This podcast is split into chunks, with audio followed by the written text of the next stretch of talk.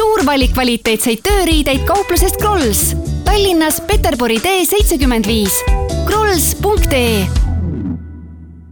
Kuku Raadios välja öeldud seisukohad ei pea ühtima Kuku Raadio seisukohtadega.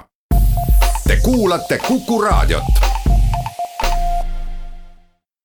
nüüd on hea meel tervitada stuudios peaminister Jüri Ratast, tervist. tere päevast ja väga suur tänu kutsumast ja edu Kuku raadio kuulajatele. Kaunis suvi on käes ja suve hakatuseks on üles kerkinud järjekordselt noh teemad, kus on justkui nagu avalikkus versus valitsus või täidesaatev võim. kõigepealt ühe teema võime vist maha kanda pärast seda, kui justiitsminister võttis maha nüüd äh, menetlusest valitsuse algatatud isikuandmete äh, kaitseseaduse muudatuse, ehk siis sealtmaalt ma saan aru, et see seadus muudatus läheb uuesti nüüd tagasi valitsusse, sealt tehakse see üks korrektiiv, koristatakse sõna ülekaalukas ära. ja sellega saab siis asi ehk loodetavasti klaarimaks ja valitsus tõesti esitas ju selle, selle seaduseelnõu riigikogule ja seal sees ei olnud sõna ülekaalukas avalik huvi, vaid oli avalik huvi. ja nüüd on küsimus selles, et äh, see tuli põhiseaduskomisjoni menetlemise ajal siis juurde, äh, sõna ülekaalukas, aga tulid ka teisi täiendusi ja me leppisime kokku valitsuses selliselt, et me tahame jääda või me palume siis riigikogu uuesti arutada. aga meie eesmärk on, et me jääme selle esialgse lahenduse juurde, kus sõna ülekaalukas sees ei ole. tõsi, eks teatud äh, menetlused, mis on toimunud põhiseaduskomisjonis, võiks minu meelest sinna uude seaduseelnõusse juba valitsuse poolt sisse kirjutada. ja uuesti siis riigikogule esitada, et suure tõenäosusega me seda teeme üsna pea. aga selline lahend äh, oli meie arvates parim ja me arvame, et äh, see seaduseelnõu, mis valitsus esitas, selle juurde võiks ka riigikogus menetluse käigus jääda teine küsimus, mis nüüd puudutab märksa laiemat ringi tegelasi, see on siis umbkaudu sada pluss tuhat tartlast ja Tartu ümbruse inimest, sealhulgas ka Tabiverest. mis saab tselluloositehase eriplaneeringust, kas te võtate selle tagasi tulenevalt siis kohalike väga suurest vastuseisust? kakskümmend üks äh, juuni oleme leppinud kokku, et seda kabinetis arutame ja siis me seda ka arutame, et äh, on teada ju seda, et on uued, äh, mõned uued asjaolud tulnud et valitsuskoalitsioonist on mõningad inimesed öelnud, et nemad seda kindlasti toetada ei saa aga valitsuskoalitsioonis on ka ministrid, kes on öelnud, et, et mis on need siis uued asjaolud, et tuleks siis eriplaneering äh, näiteks lõpetada. et eks see arutelu seisab siis kahekümne esimesel juunil ees. tõsi on ka see, et hankemenetlus erinevate mõjude ja analüüside hindamiseks ei ole hetkel peale hakanud, sest see vaidlus on ka kohtus. nii et äh, ma arvan, et juuni lõpus me saame selle otsuse teatavaks teha kolmandaks ja nüüd reklaamieelseks viimaseks saatejuhipoolseks küsimuseks, enne kui kuulajatele võimaluse anname. kuidas on riigikogu Keskerakonna fraktsiooni tervis tulenevalt nüüd siis sellest kirikurahade eelnõust ja sellest vastuhääletamisest? No tervis on üldjoontes ju hea, et see, et ühe seaduseelnõu puhul tõesti on erimeelsusi neljal-viiel liikmel arusaadav, nad on seda ka väljendanud ju väga selgelt oma vastuhääletamisega. aga ma arvan, et siiski, et tegelikult küsimus ei ole, ma olen täna ka nende inimestega, mõnedega rääkinud, et ei ole sisuline, et, et kirikutele ei peaks või et Niguliste kiriku küsimust ei tuleks lahendada. et eks selle küsimusele tuleb tulla tagasi siis sügisel, suvi annab aega aega aruteludeks ja, ja ütleks atra seada, aga mina arvan, et see küsimus Niguliste kiriku osas tuleks kindlasti ära lahendada. me oleme suutnud kirikutega leppida kokku või suuta kokku leppida ja see on minu meelest päris suur saavutus viimase kahekümne viie aasta jooksul antud valdkonnas ja kuidas tervis on, et äh, eks kõik ju saavad aru, et järgmise aasta alguses on valimised. Äh, ja eks viimased istungid riigikogus ennem suvepuhkust ole alati olnud natukene sellised, äh, ütleme pingelisemad, aga ma usun, et see hea töörütm, mis on olnud valitsuskoalitsioonis, sealhulgas ka Keskerakonna fraktsioonis, see säilib kas vastab tõele nende teisitimõtlejate välja öeldud, et peaminister leiab selle raha lihtsalt kusagilt mujalt, kui mitte omandireformi reservidest? no üks võimalus on sellesama seaduseelnõuga edasi minna, teine võimalus on siis, et kui riigikogusse valitsus esitab eelnõu, jutt on riigieelarvest. et siis see püütakse lahendada ära läbi riigieelarve teiste ridade osas, noh kus see, kus see võimalus tuleb. teoreetiliselt, eks ju, on võimalus seda teha läbi reservfondi, ma arvan, see ei ole õige. Et ju siis seda tuleks teha läbi riigieelarve ja riigieelarve menetlus, aga ma ei saa ka välistada, et seesama seaduseelnõu osas tuleks tegelikult ikkagi lõpuni minna telefon stuudios kuus, kaks, üks, neli, kuus, neli, kuus, suur palve headele kuulajatele, piirduge palun küsimusega ja kommentaarid võib-olla siis millalgi hiljem. tervist. tervist, austatud saat-, hästi, austatud peaminister, mina olen Eerik Tartust ja mina tahaksin rohkem teie isiklikku seisukohta, härra peaminister, küsida kahes küsimuses.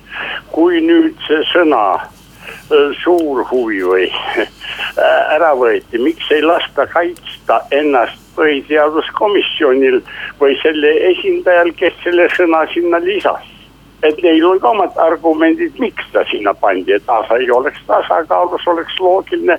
üks ütleb ühelt poolt ja teine ütleb teiselt poolt, nii esiteks. teiseks, miks ei lasta teie arvates Savisaarel ennast kaitsta kohtus ja ennast puhtaks pesta. kui teie või mina oleksime haiged ja meid alusetult süüdistataks, siis ma usun, et me, olgu kui haiged me oleme, me tahame, et õiglus saaks jalule leks est rex, eks ole, nagu vanad roomlased ütlesid, aitäh.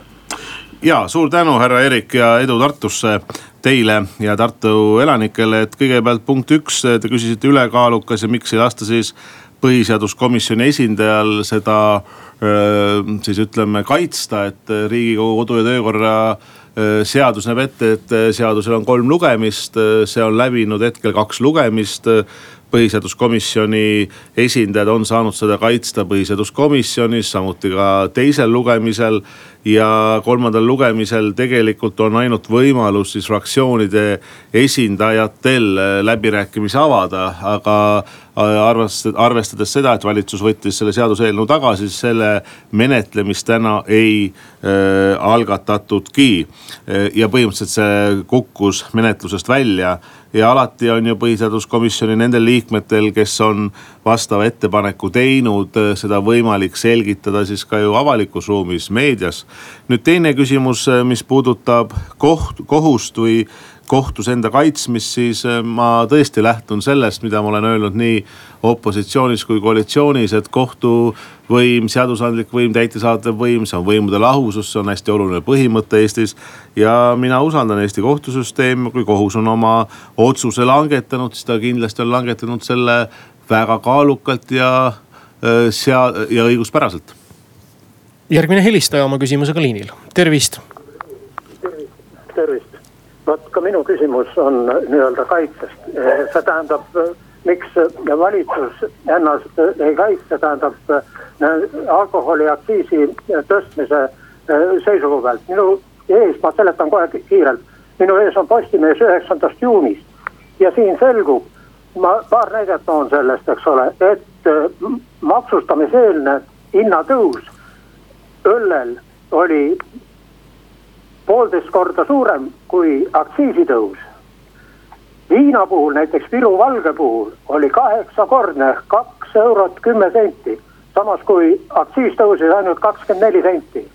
eriti jõhker oli brändi Ararati, Ararati brändi hinnatõus neliteist korda ehk kolm eurot viiskümmend senti, samas kui aktsiis samuti tõusis kakskümmend neli senti. on ju olemas, eks ole igasugused konjunktuuriinstituudid,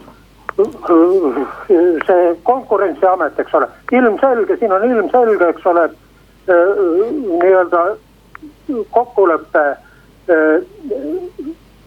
kaubandusettevõtete ja tootjate vahel, eks ole, nad kasutasid lihtsalt ära selle aktsiisi tõusu, eks ole.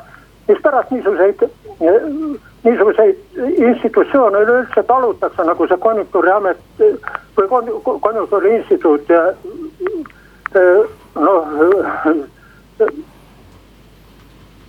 üleüldse olemas on, eks ole. aitäh teile ja palun. ja suur tänu, et ärme nüüd konjunktuuriinstituudile ka liiga tee ja nad teevad kindlasti tänuväärset tööd ja seal töötavad tublid, tublid inimesed. Teie küsimus nüüd, et miks valitsus ei kaitse ennast alkoholi aktsiisitõusu osas, et jah, et kõigepealt siin on kaks asja üks on minu meelest, mis on peamine, peamine on see, et kas alkoholi tarbimine Eestis on probleem elaniku kohta või see ei ole probleem. ja teatavasti Eesti elanik tarbib kahjuks alkoholi päris palju. Ja alkoholipoliitikas ei ole ainult see hinnakomponent, aktsiis ainus. On selle kättesaadavus, on reklaam, on inimeste informeeritus ja tegelikult on ka see ostujõud, et kui palju siis äh, uue näiteks palga äh, osas inimene suudab alkoholi äh, endale osta võrreldes eelmise perioodi palgaga nüüd ja väga oluline on siin piirikaubandus ja ei saa midagi siin salata. piirikaubandus on kasvanud, ma pean silmas Eesti-Läti piiri ja teiselt poolt kui me vaatame Soome poolt, siis Soome turistide osakaal, ütleme alkoholi ostmises Eestis on vähenenud nüüd äh, piirikaubandus sai alguse eelmise valitsuse otsusest äh, alkoholiaktsiise tõsta. ka tänane valitsus on lahja alkoholi aktsiisi tõstnud, aga kange alkoholi aktsiisi tõusu me oleme selle aasta esimesest veebruarist otsustanud, et see tõuseb poole võrra ja järgmisest aastast oleme jätnud kõik alkoholiaktsiisi tõusu ära.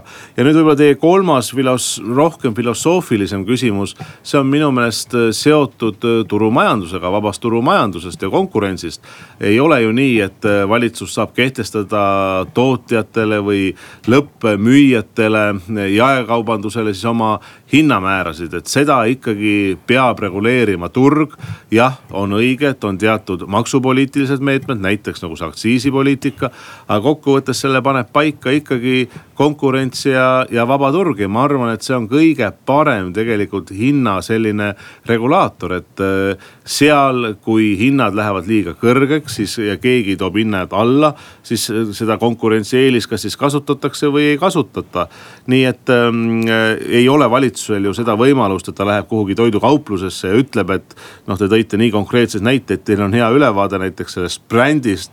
et see hind ei vasta sellele, mis oli näiteks alkoholiaktsiisi tõus kuus, kaks, üks, neli, kuus, neli, kuus on järgmise helistaja küsijaga liinil. tervist, oi, juba kadunud, aga anname uue võimaluse. Telefon kuus, kaks, üks, neli, kuus, neli, kuus. ja nüüd on see helisenud, tervist. Nonii Kotermann on pääsenud meil vahepeal telefonijuhtmetesse sisse, aga ärge heitke meelt, proovige veel. peaminister Jüri Ratas on stuudios, telefoninumber stuudios on kuus, kaks, üks, neli, kuus, neli, kuus ja proovime nüüd, tervist. no tervist peaministrile ja saatejuhile ja kuidas te sellesse suhtute, kuidas nüüd see Karilaid ja kes teil seal teised on, et selle Sundüürnit.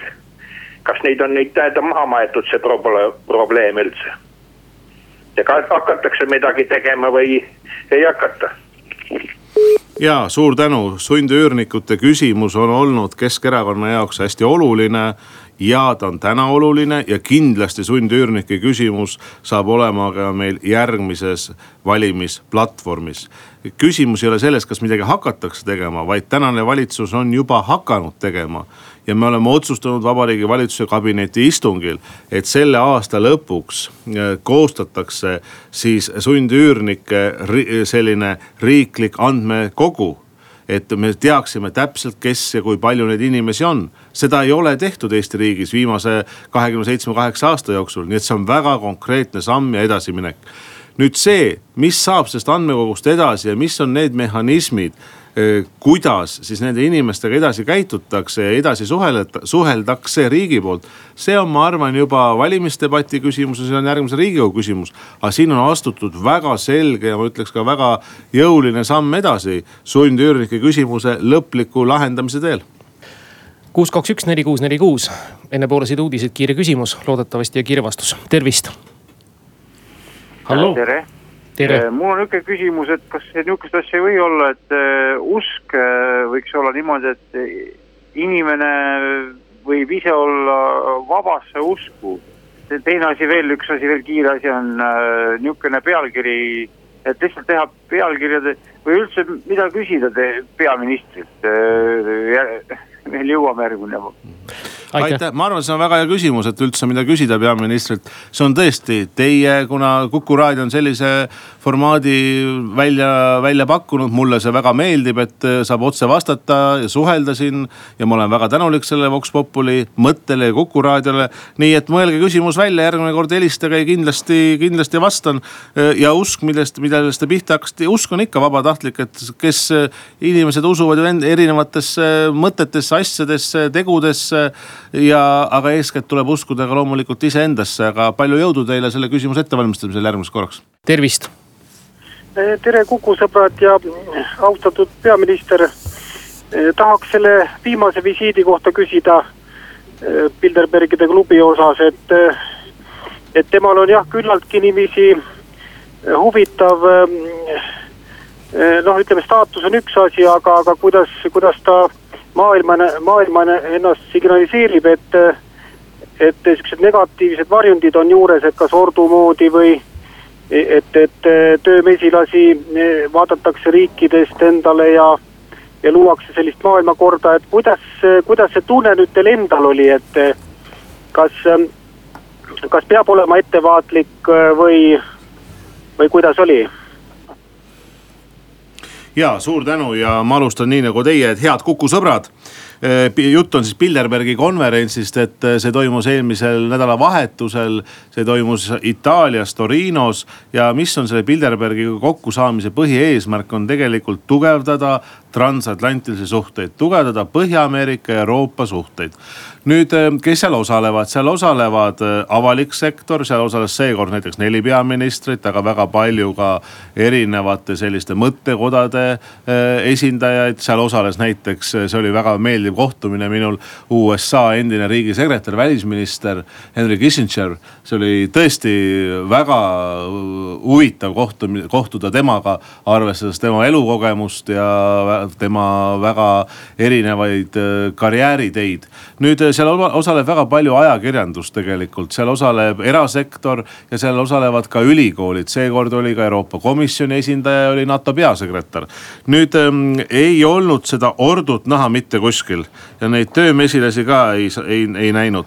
ma ütleks pigem see oli nagu positiivses foonis see koht, kohtumine ja e, seal ei võeta vastu mingisuguseid lõpp, lõppjäreldusi või lõppotsuseid või ma ei pea mingit dokumenti seal allkirjastama. E, võib-olla see sihukene natukene, natuke selline saladuslik on ta sellepärast, et seal tõesti kehtib üks reegel, see reegel on järgmine, et see on Chatham House reegel ja selle, seda reeglit päris palju ka Eestis kasutatakse. näiteks kui meil toimuvad kõrgemad riigikaitsekursused, on seal samasugune reegel. aga mida seal siis arutati, et arutati kõigepealt USA liidri, liidriks oleku küsimust, arutati Venemaa ambitsioone, arutati tulevikutööd, siia alla kuulub digitaal, tehisintellekt. Need olid need teemad, mis olid Eestile olulised ka Euroopa Liidu ees, nõukogu eesistumisel. arutati Itaalia seisu, Põhja-Koread arutati, arutati tõejärgset ühiskonda, nii et päris palju neid teemasid mida me tegelikult igapäevaselt arutame ka Eesti ühiskonnas, arutame ka välispoliitikas. ta oli, ma ütleks sellise positiivse, igal juhul see alatoon oli positiivne, väga konstruktiivne ja püüti siis oma seisukohti välja öelda. ka mina osalesin mitmes äh, debatis üsna aktiivselt, aga oli ka kahepoolseid selliseid kohtumisi äh,. näiteks NATO peasekretäriga, nii et äh, jah, minu meelest töine ja just see, et tõesti seda sidet tugevdada Põhja-Ameerika ja Euroopa vahel vajalik kuus, kaks, üks, neli, kuus, neli, kuus ootab järgmist helistajat ja kaua ootama ei pea, tervist. tere, palju jõudu teile töö puhul, ma loodan, et, et järgmine aasta valimistel läheb teil hästi. sest mina põhimõtteliselt olen teie suuna pooldaja, eriti alkoholipoliitikas. Eh, sihukene küsimus või õigemini eh, nõu teile, et ma olen proovinud maksuameti liinile saada, kui ta on olnud, et kuidas saaks takistada, ütleme ehitussektoris eh, selle musta tööjõu vältimist. meie naabritel on pea, vastutaja peatöövõtja objektidel ja trahvid on väga suured. Elektrooniline registreerimine, kui ke, momentaalselt peab registreerima, kes väravad sisse astub. et miks Eesti ei taha seda rakendada, see on nagu jalgrattad, mis on juba seitse-kaheksa aastat tagasi välja mõeldud Äh, suur tänu teile kõigepealt heade soovide eest ja ütlen jõudu tarvis.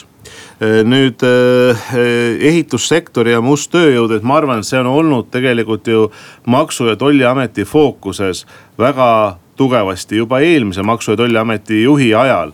Minu meelest astuti väga selliseid proaktiivseid samme, et seda meie niinimetatud defitsiiti eh, ja, ja musta, musta tööjõu aspekti vähendada. Ja minu meelest on tehtud selle osas päris palju õig õiges suunas otsuseid nüüd teiselt poolt on vaja ka teha konkreetseid otsuseid, mis on seotud teatud tootjatega, kus tootjad näevad seda musta turu osakaalu ja loomulikult see tähendab ka ju eelarvesse mittelaekuvat raha. ja on tehtud näiteks pöördmaksustamise käibemaksu osas. nüüd teie näide, nii nagu on Soomes, kuidas see on Eestis, et igal juhul ma palun Maksu- ja Tolliametit, et nad tutvuksid nende Soome lahendustega, mida te ka teie kirjeldasite ja ma olen täiesti kindel, et tänane maksuamet vaatab proaktiivselt erinevatele headele lahendustele, mis vähendavad äh, seda, et meil oleks ühiskonnas, makstakse palka, mille pealt ei maksta makse. Kuus, kaks, üks, neli, kuus, neli, kuus. Ootab uusi küsimusi stuudios olevale peaminister Jüri Ratasele, tervist. Kindlasti te ei jõuaks rääkida teie suhtumist Ameerika Ühendriikidesse praegusel hetkel, eh, kuna aega on vähe, aga küsin ruttu, millist seisukohta teie isiklikult seal Bilderbergi kohtumisel esindasite seoses Itaalia ehm, noh, uue valitsusega ja uue, uue parlamendiga, aitäh aitäh, no miks ma ei jõua, et kõigepealt USA osas, et Eestil on ju, USA on kindlasti strateegiline partner, meie suhted Ameerika Ühendriikidega on väga head, väga töised, olgu see EFP raames.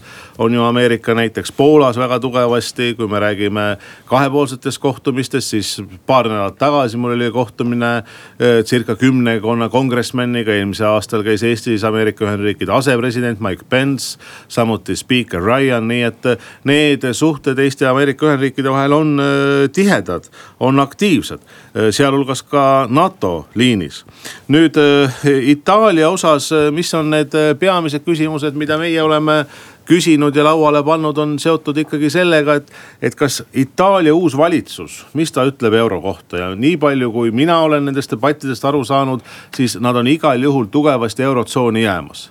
Nüüd järgmine küsimus on seotud Itaaliaga just nüüd juunikuu lõpus, kui ma lähen Euroopa Liidu ülemkogule, me arutame tegelikult sellest, mis saab sanktsioonidest ja teatavasti ülemkogus on reegel, et kõik riigid peavad olema selle poolt. kui üks on vastu, siis otsust ei, ei toimi, ei, ei tule. Äh, nüüd minu meelest see, mis G7-s tegelikult kokku lepiti, annab selle aluse, et, et ikkagi, et Itaalia on seda meelt täna, et kui Minski kokkulepetes või Normandia protsessis edasiminekut ei toimu, siis ei saa ka sanktsioone lõpetada kuus, kaks, üks, neli, kuus, neli, kuus on uue kõneleja ootel ja uus helistaja on ka liinil, tervist. tere. ma mõt... räägin äh, Tallinnast äh, nihukest asja, ma tervitan äh, peaministrit teid saatejuhti ka, aga mul on üks sihuke küsimus, mida Tallinna munitsipaalpolitsei vist teha ei saa, see peab olema valitsuse, noh, kuidas öeldakse, valits-, valitsuse teha kas munitsipaalpolitsei saab eh, hommiku ja õhtu eh, nendesse bussiradadelt eh, neid autosid, autosid maha võtta? Ma, ma tänan selle küsimuse eest, et ma saan aru, et jutt on siis selles, et miks hommikul ja õhtul ainult, et tegelikult kui on ühistranspordirada, siis see on loodud ju ainult ühistranspordile. no te räägite hetkel minu meelest liiklusesse sekkumisest ja tõesti liikluse sekkumise võimalust munitsipaalpolitseil ju otseselt ei ole. et see on ikkagi politsei ülesanne. no munitsip-, tegelikult see seadus näeb ette üldsegi korrakaitseüksust ja tõesti Tallinnas on see nimetatud siis munitsipaalpolitseiks. mulle tundub, et täna tänane Tallinna munitsipaalpolitsei juht omab väga head koostööd tegelikult ka riigi, riikliku politseiga, eeskätt siis Põhja-politsei prefektuuriga. Eh, jah, et eh, see küsimus, et kui palju võiks siis korrakaitseüksus ühel või teisel hetkel liiklusesse sekkuda, seda on debateeritud. aga hetkel on leitud see tasakaal, et ütleme igapäevaliiklusesse ikkagi sekkub politsei ja mitte munitsipaalpolitsei kuus, kaks, üks, neli, kuus, neli, kuus on täna vast palju küsimusi ja jõuab veel, tervist tere. mina tahan Jüri Ratasele soovida jõudu, et ta edaspidi järgmine kord veel esineks meil peaministrina, sest ma olen sada protsenti temaga rahul ja ja nii palju, kui minul tuttavaid on, ütlevad, et Ratas on ainuke, kes on Eesti riiki eh, juhtimas super hea kõike head talle. siit küsimust ei tulnud, aga head soovid. proua, ma kindlasti teid tänan, aitäh heade soovide eest. Neid on alati väga meeldiv kuulata, suur tänu ja eriti meie ühiskonnas, et tavaliselt sellist positiivset äh, kiitvat suhtumist me kohtame pigem harva ja see ei ole, see ei ole kahjuks reegel, nii et äh, ma arvan, et me võiks lahtise pilguga alati vaadata, kui on meie naaber teinud midagi hästi või kui keegi teine on ühiskonnas teinud midagi hästi, et teda kiita, nii et aitäh teile heade soovide eest. ja järgmine helistaja oma küsimusega, tervist. tahaks esitada küsimuse energeetika valdkonnas. ma olen eluaegne e, energeetikatöötaja ja praegu Taavi Veskimägi, tähendab, ajab sellist jora et võtta Nõukogude või sellest loo, liidu Venemaa loode piirkonnast lahti ühendada Eesti Energia need ülekandeliinid. Ando Raukas, kes on tark mees ja akadeemik, ütleb, et see, need, kes sellist lolli juttu ajavad nagu Veskimäe, et nende koht ei ole sihukeses ametis. samamoodi see teeb ohtu see lahti ühendamine, kui Venemaa poolt toimuks. samamoodi võib ka gaasi kinni keerata Anto, Anto Rauguse jutu järgi on see täielik idee. ma, ma noh, tähendab mõttetu. kuidas teie suhtute sellesse?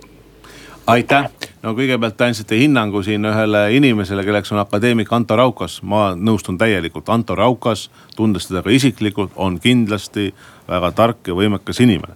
nüüd äh, rääkides sisust, mis on sünkroniseerimine Euroopaga, siis tõsi, see on meie jaoks prioriteet et Eesti, Läti ja Leedu sünkroniseerida läbi Poola Kesk-Euroopaga. selle osas hetkel teevad siis kolme riigi DSO-d ühte uuringut ja nelja riigi siis ütleme võrguoperaatorid ehk need DSO-d teevad teist uuringut, et leida parim võimalus, kuidas A sünkroniseerida Leedu ja Poola vahel, kas siis ühe liiniga, kahe liiniga.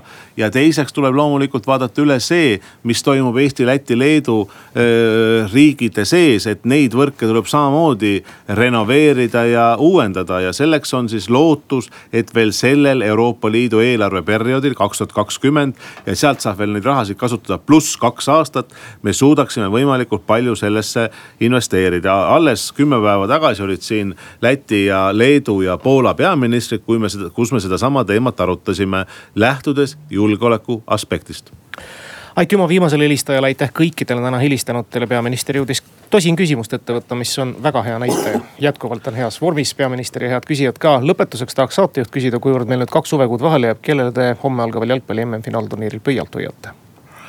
Ma ei, jah, et ma kindlasti loodan seda, et äh, jõuab kaugele Prantsusmaa.